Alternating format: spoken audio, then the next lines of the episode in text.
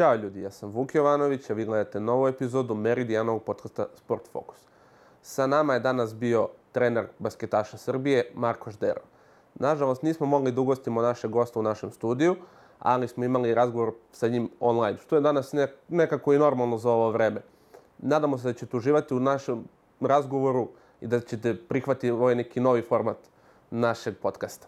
Marko, pre svega, dobar dan. Hvala što ste izdvojili vremena da budete naš gost. Znam da sada, jako su završene olimpijske igre, da imate mnogo obaveza, tako da hvala vam još jednom što ste izdvojili malo vremena slobodnog. Dobar dan, dobar dan tebi i gledalcima. Jeste, evo, ovaj, pokušavali smo ranije da se, da se uhvatimo, što se kaže, nisam bio situacija da dođemo u Beograd da, da, uradimo ovo uživo, obaveze oko, sad trenutno oko ekipe UBA, ovaj, koja ide sutra na Masters turnir u, u Lozanu, izvinjavam se nema veze, ovo sad koristimo ove moderne tehnologije, ovo je sad nekako ovo doba specifičan način, ali i uobičajen način komunikacije u isto vreme. E, Marko, ja bih počeo od olimpijskih igara. Olimpijske igre su završene, naša selekcija osvojila istorijsku bronzanu medalju, iako su mnogi očekivali više, ali opet to je basket je po prvi put igram na olimpijskim igrama u Tokiju stvarno istorijski uspeh.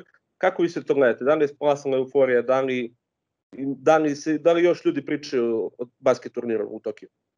Pa, prvo ajde da, da kažem jeste, istorijski, istorijski uspeh prve olimpijske igre, negde od nas se od početka očekivalo da, da, da napadnemo tu zlatnu medalju, jesmo pokušali da je napadnemo, e, Kik su u polufinalu od ekipe Rusije, e, šta znam, ne priča se toliko sad, sad više o tome, generalno se ne priča više o olimpijskim igrama, jer okrećemo se odmah drugim takmičenjima, kao što sam ti rekao, igrači su preokupirani ovaj, tim ligaškim delom, klubskim ligaškim delom, a i već u septembru, 10. 8. septembra nas očekuje Evropsko prvenstvo u Parizu, tako da mi koji se bavimo i reprezentacijom, ovaj, osvrćemo se i na to i gledamo kako, na koji način i da, da, da, da se uključimo u neki rad zajedno sa svim tim igračima koji su na širem spisku reprezentacije, da ispratimo njihove, njihove forme i da vidimo ko će da bude konkurent za, za tim za evropsko prvenstvo. Olimpijske igre su bile specifične po mnogo čemu. Jedna od stvari, nažalost, je pandemija koronavirusa koja kara već godinu i nešto dana, čak više i dve. Vi niste, nažalost, mogli da budete sa momcima u Tokiju. Koliko je to težavno komunikaciju i sam posao? Pa mislim, generalno mislim da jeste. E, došla je odluka olimpijskog, našeg olimpijskog komiteta, verovatno međunarodnog, da e, za basket tim od četiri, četiri igrača može da uđe samo jedan čovek u stafu sa, sa, sa, sa ekipom u olimpijsko selo. Danilo Lukić i ja smo treneri reprezentacije, mi imamo iznad nas e, radaci, imamo selektora reprezentacije Srbije, to je Goran Vojkić i negde odluka ljudi u Košarkaškom savezu Srbije jeste bila da selektor ovaj, uđe sa ekipom u selo. E, što se tiče nas, mi smo ostali, tačnije otišli smo pre, pre kamp, pred ulazak olimpijsko selo, sedam dana bili smo u Karacu, e, gde su nas ljudi iz Karacu nevjerovatno dobro primili i imali smo sedam dana treninga, adaptacije na, na, na, vremenski, na, na vremenske uslove pre svega, pa onda i na vremensku razliku. E, kad smo završili taj kamp, četiri momka koje su ušla u, u olimpijsko selo, Mestorović, Domović, Ratko Vasić, zajedno sa selektorom Goranom Vojkićem.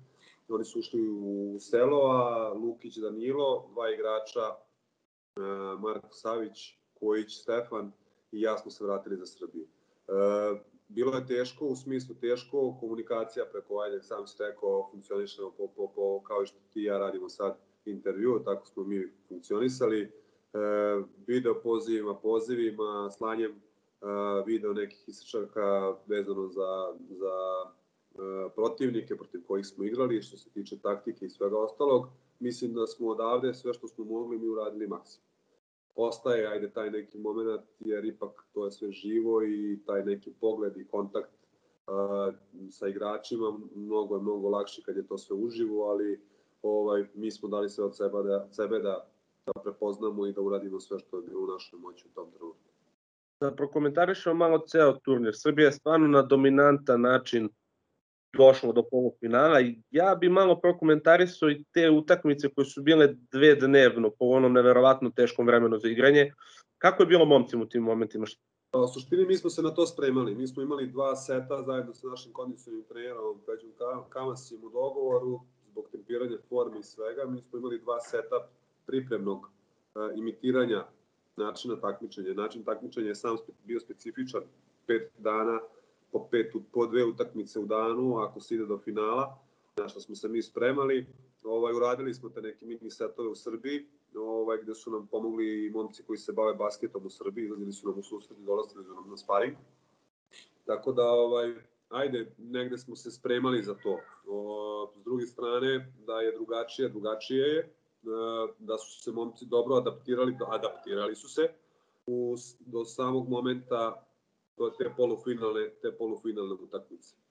E, ne znam šta, šta bih rekao u komunikaciji sa igračima, vidim da im je nije bilo fizički zahtevno i ono što je bilo jako dobro jeste da mi svaku tu utakmicu koju smo igrali prvi dan, dve utakmice, teške utakmice za nas, e, smo pobedili, teško pobedili, drugu pogotovo Holandiju, mislim da je to bila jako bitna utakmica da se, da se pobedi. Posle toga drugi dan e, prva utakmica protiv Poljske, gubili smo u jednom momentu 11-3, gde smo napravili nevjerovatnu seriju 9-1 i tu tešku utakmicu dobili. Treći, četvrti dan su bili savršeni protiv osvajača olimpijskih igara, Kipe Rige. Odigrali smo nevjerovatan basket, tačan, precizan, bez jedne greške. I negde nas je to, ajde, nas koji smo bili ovde, gledajući sve to, negde nas je radovalo jer smo i svakog dana igrali sve bolje i bolje. Tako da, ne znam da li ovaj, planiraš da se osvrneš na tu polufinalnu utakmicu, verovatno. To, to, to ćemo, imam dva segmenta bih želeo za tu polufinalnu Kako je bilo spremiti igrače za tu polufinalnu utakmicu, a kako posle oporaviti ih posle tako jedne teške i stresne utakmice, pre svega zbog samog poraza. Jer mnogi smatraju lajci da smo pocenili Ruse, što nije stvarno tako delovalo. Rusi su stvarno odigrali jedan fenomenal basket, kao što ste malo pre rekao, kako smo i odigrali protiv Letonije. Kakav je tvoj komentar na tako? Pa, u suštini mi smo, mi smo prvu, uh, poslednja utakmica naša u grupi je bila protiv ekipe Rusije, dan, dan, to je bio četvrti dan. Uh, ekipa Rusije je imala zakucano peto mesto na tabeli, pa zakucano peto mesto na tabeli, pobeda ili poraz protiv nas im nije ništa značio. A, I isto tako nisu mogli da utiču na koga će, ako su hteli nešto da taktiziraju, na koga će da idu u, u četvrtfinalnoj utakmici, da li će da idu na na ekipu Rige ili Holandije, zato što su oni igrali posle nas. Tako da su Rusi po meni taj četvrti dan odigrali pametno, da su povukli ručnu i nisu se umorili protiv nas na utakmici, zato je rezultat bio taj 21-10 za nas.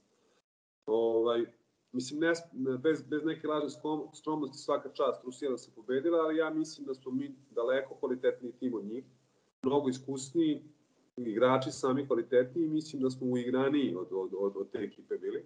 Uh, jednostavno mm, negde ajde u svim tim kalkulacijama našim, mada trudimo se da nemamo kalkulaciju, da smo mogli da biramo koga ćemo u polufinalnoj utakmici i protiv koga ćemo da igramo, to je bila ekipa Rusije. Bez obzira šta se desilo dan ranije.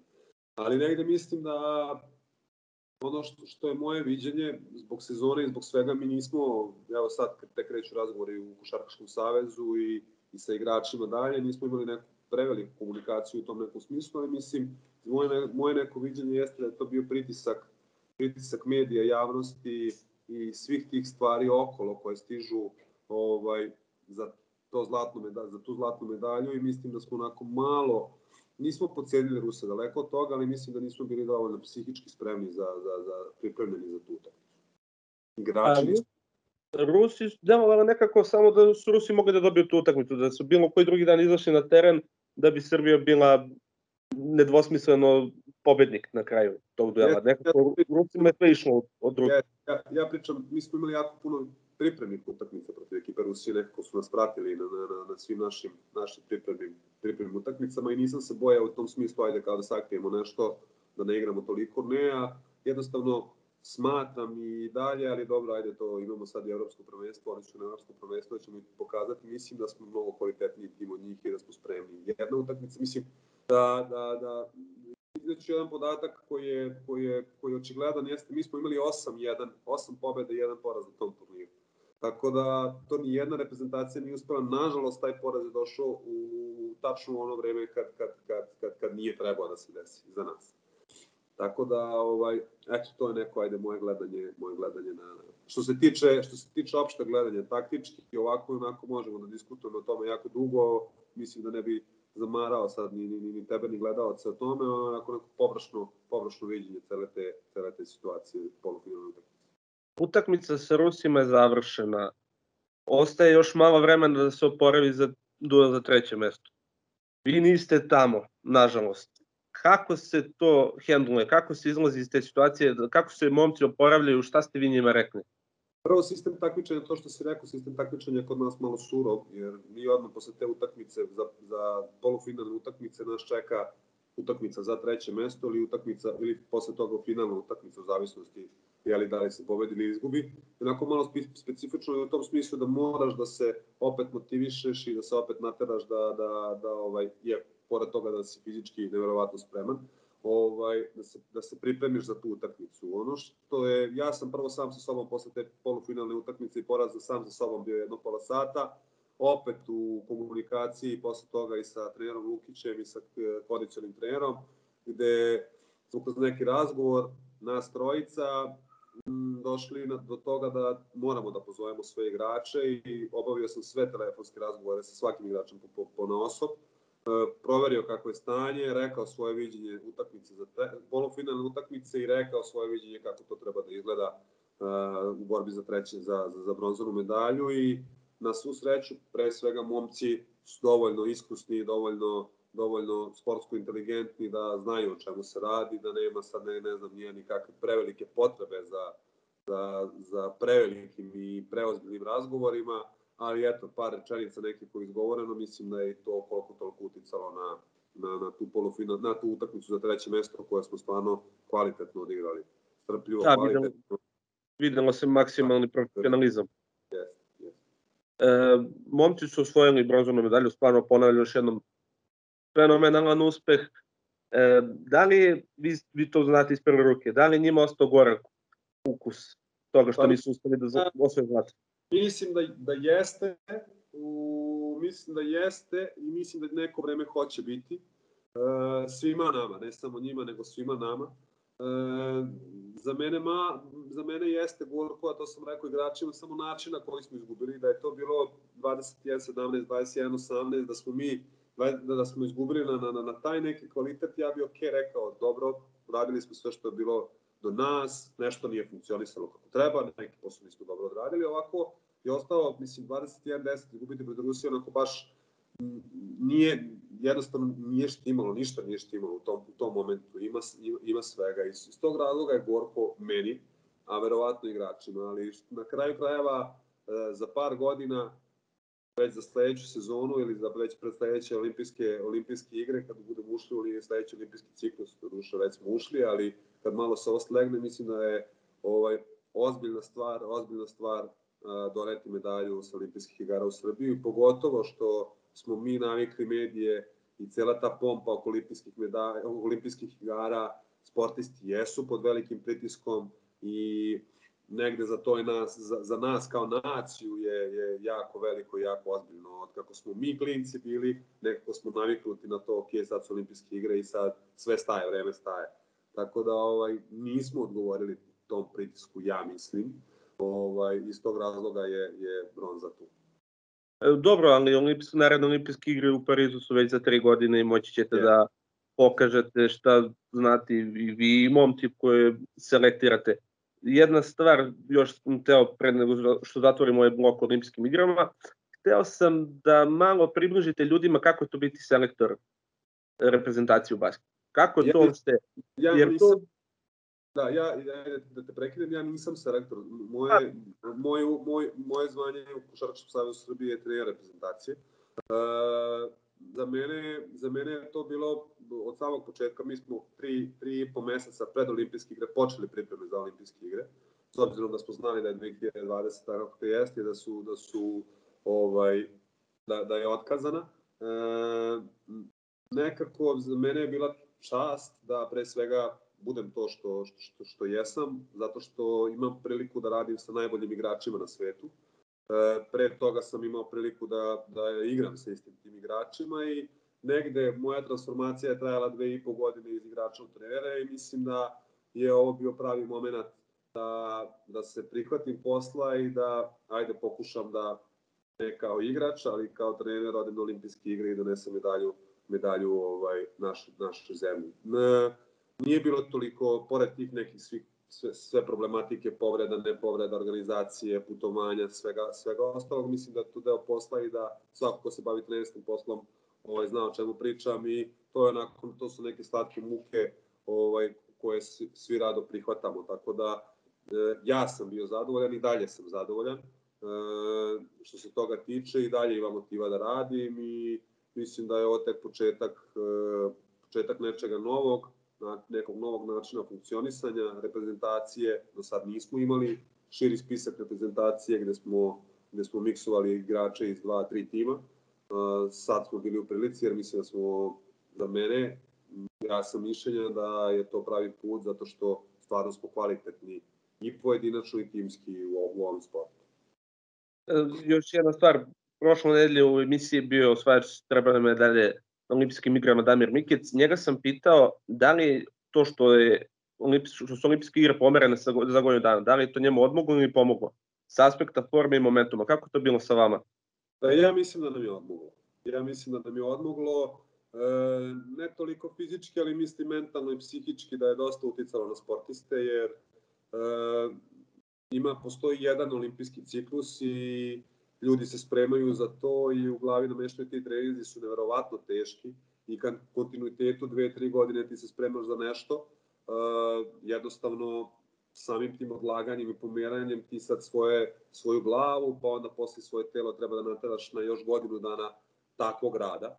Ovaj, mislim da jeste to problem, ali nekako ne bih to svrstavao u problem, problematiku i ne bih, ne bih ulazio u to kao neko neku, neku alibi varijantu za medalju, jer, jer je svim sportistima to tako bilo. Tako da ovaj, svi su imali iste uslove u tom nekom smislu, svima je odloženo. Tako da jeste bilo teško, mislim da će sledeće, ako se budu održale na vreme, biti mnogo lakše u tom nekom smislu organizacijski i, i motivacijono za sportiste i sve što, što, što nosi to.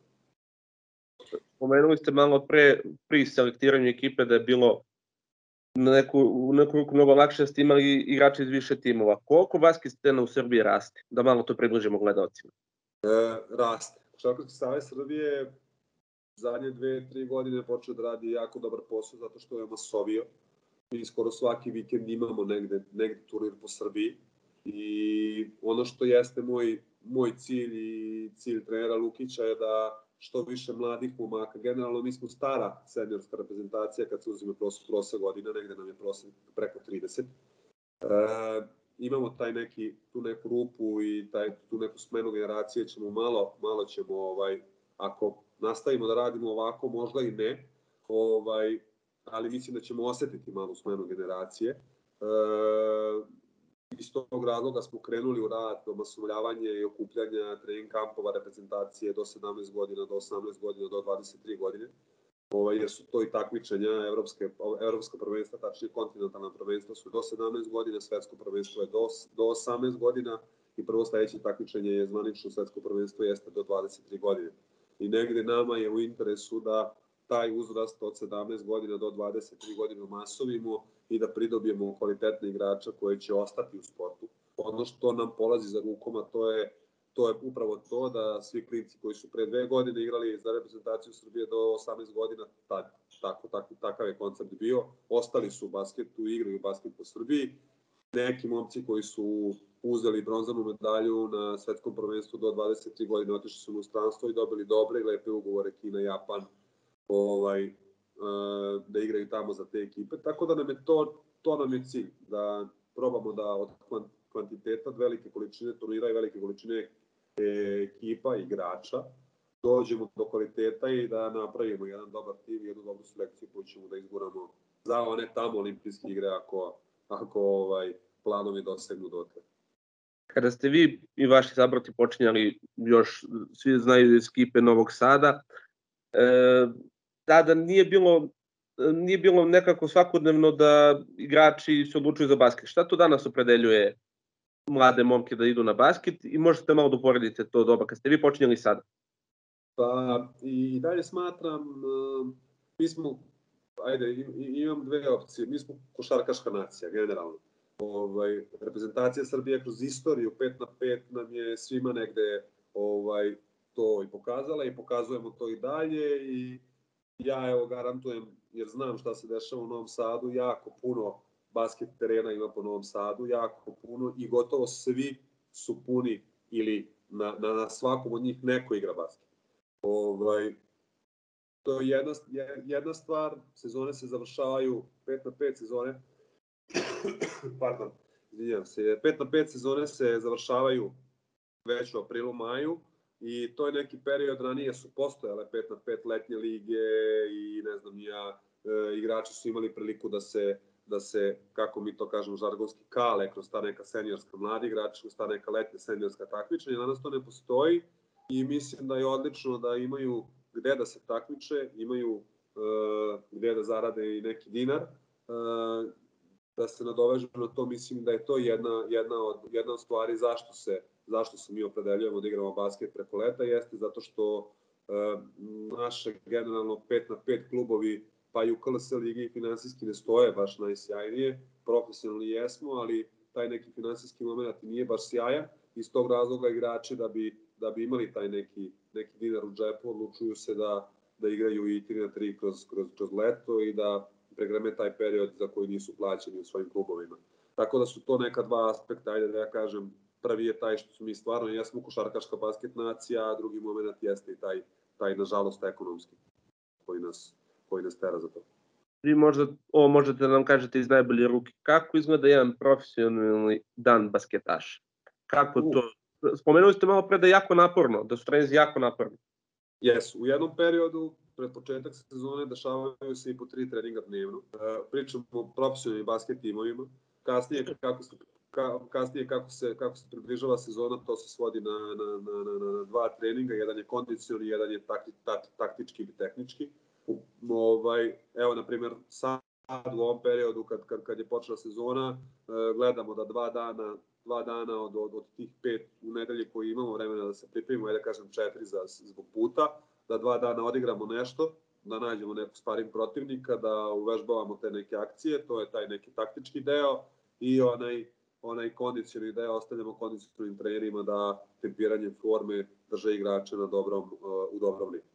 Tako da E, ajde, evo, ekipa UBA je danas imala lagan šuterski trening, posle toga oporavak, led, masaže i sve što, što ide uz to, već sutra ujutru putuju put, put e, Lozane da, da igraju Masters turnir koji, je, koji se tamo država tradicionalno svaki godin. Masters turniri su postali nešto poznato sada navijačima u Srbiji. Kako to izgleda iz vaše vizure? To su isto jako naporni turniri koji igraju isto jako dobre ekipe i konkurencija je stvarno neverovatna. Jesu, mislim da, mislim da je prošle godine bilo, ajde ne znam sad tačan podatak, ali 12, 12 turnira, tačnije 11 i 12 turnir je bio finalni turnir u Džedi. E, vikendom se igrali turniri, putuje se s jednog kraja, drž, s jednog kraja zemlje na drugi kraj zemlje, imamo i Los Angeles, imamo i Kanadu, Montreal, imamo u Evropi tri turnira, imamo u Kini smo imali, imali dva, challenge, dva, dva Masters turnira, tako da pričam o godini pred koronu, Ovaj, I poprilično je naporno kad uđemo u taj ritam, jer imamo ispod toga i Challenger turnire preko kojih ti uh, ulaskom u finale osvajaš tu kartu da uđeš na Master turnire, tako da sezona je zgusnuta, tu nema puno prostora za nekim ozbiljnim treningom, e, jako je naporno, sama putovanja su jako naporna, a da ne pričamo o tome, posle toga treba da odigraš dva dana ozbiljnog basketa, jer Uh, u zadnjih godinu, dve dana, ajde da kažem dve godine, su se na basket pojavile ozbiljne ekipe koje su profesionalne i koje se samo time bave. Uh, ono što jeste dobro za Srbiju da je sport klub uzeo da TV prava i da možemo na sport klubu da gledamo uživo, uživo sve te mečeve, pored tih YouTube prenosa. Ovaj, tako da, ajde, što se tiče Srbije, mislim da je, da, da je dostiglo neku ozbiljnu već popularnost i da ljudi prepoznaju i da vide o čemu se tu radi. Srbije, Srbija, kad kažem Srbija i Srbija kao reprezentacija i klubovi su već godinama u vrhu. Šta to nas to izdvaja odnosu na druge? Osim što smo, basket, što smo košarkaška i basket nacija. Pa mislim da, ajde, taj profesionalan rad, mislim da smo mi, mi prvi ti koji su sve profesionalno opredelili da se bavimo samo time. E, to je jedna stvar, jer mi ne igramo, i momci ne igraju 5 na 5, 5 na 5 sezone. Mislim, iz mog, mog tima UBA prošle godine Branković i Stojačić su igrali za prvu srpsku ligu, koju ne mogu nazvati profesionalno. Jedino, jedino Pašarec Miroslav koji je igrao igrao za, za Dinamik, ali se on, vrlo, on je mlad momak koji je mogao da se prešalta brzo na, na, u 3 na 3. Uh, ono što je ranije krasilo Novi Sad i Ajde Liman, što su ti momci samo to radili, samo se time bavili. Tako da to je jedna stvar koja nas izdvaja, a druga jeste ta strast prema toj lopti i to što kad izađe na teren ne postoji ništa drugo nego, uh, nego samo to i, i uraditi sve što je u tvojoj moći da, da, da pobediš. Mislim da jesmo taka nacija da, da, ovaj, da imamo tu neku zadrtu crtu da ovaj, znamo dobro da se takmičimo, pogotovo u kolektivnim sportu. Pre svega smo jako kompetitivni. Ne, damo, ne priznajemo nikom da je bolje od nas dok nas ne pobedi na terenu. E, e, ja bih završio sa evropskim prvenstvom. Evropsko prvenstvo je uskoro. Kako sad, koliko je teško oporaviti ekipu od olimpijskih igara do evropskog prvenstva? Kako je sam način, sam plan priprema napraviti za jednu pa, takvu jako teško, zato što oni već imaju svoje klubske trening, klubske obaveze. Uh, mislim da će doći do neke promene unutar, unutar tima, uh, da ćemo neki igrače koji su bili na, širi, na užem spisku uh, morati da, da, da ubacimo u tim, da osvežimo malo baš iz tog razloga ovaj, zamora i motivacije i psihičkog stanja. E, tako da ajde, to nam je, to nam je, to je nama na, nećemo imati puno vremena da treniramo, možda desetak nekih dana pred evropsko prvenstvo, ali na nama je da procenimo kroz ove turnire koji se sad dešavaju, da gledamo i sagledavamo sliku pojedinačnog igrača, ko, kako ovaj, se osjeća i ko, kakoj formi i shodno tome da, da se opredelimo za četiri igrača koji će nastupati da, na, na evropskom prvenstvu. Samo još za kraj, Dušan Domović Bumut je konačno zaigra u Big 3 ligi, koliko je to važno za srpski basket i za popularizaciju čitavog sporta. Znamo koliko je on svojim igrama i svojom popularnošću doprinao, a da li je ovo još korak iznad? Mislim da jeste, ne samo za popularizaciju samog sporta, mislim da je negde Dušan taj koji je otvorio vrata i nekim možda igračima, nekim drugim igračima koji se bave 3 na 3 da, da, da kroz neku, neku budućnost odu, odu tamo i zaigraju. To mislim da je to prvo neverovatno iskustvo. E, a, pored, pored tog igračkog i životno, mislim, mi smo svi maštali o tome da nekad u nekom momentu, jel, kao klinci zaigramo neki NBA, ovaj, koliko je to realno, koliko nije, ali ovo je, ajde da kažem, negde u našem, našem sportu to što je NBA u 5 na 5 i imao je su moju podršku u komunikaciji u tom nekom smislu da li, da li da ide, da li da ne ide. Bilo je toga i pre dve godine kad je nešto bio i kažnjavan od FIBA. Ja sam i tad rekao da da za mene da su to za mene stvari koje se odbijaju i to je uh, vrh svega onoga što si ti radio kroz sve sve ove godine u basketu. Tako da, što se tiče toga, puna podrška i mislim da će značiti i ostalim igračima, da će i ostali igrači kroz neki naredan period dobijati šansu da odu tamo i da zaigraju to. Marko, ja nažalost moram da zaključim ovaj današnji razgovor. Hvala vam puno na izdvojenom vremenu, znam koliko obaveze imate dotakli smo se malo toga i danas. Ja vam želim svu sreću u nastavku sezone, a nadam se da ćemo imati prilike još ovako divno da sarađujemo, da odradimo još koji intervju. Hvala tebi puno, uživao sam u razgovoru i pozdrav tebi i pozdrav svim gledacima. Veliki pozdrav. Ćao. To je bilo to, nadamo se da vam se dopalo. Budite sa nama i naredne nedelje, obavezno like, share, subscribe. Veliki pozdrav.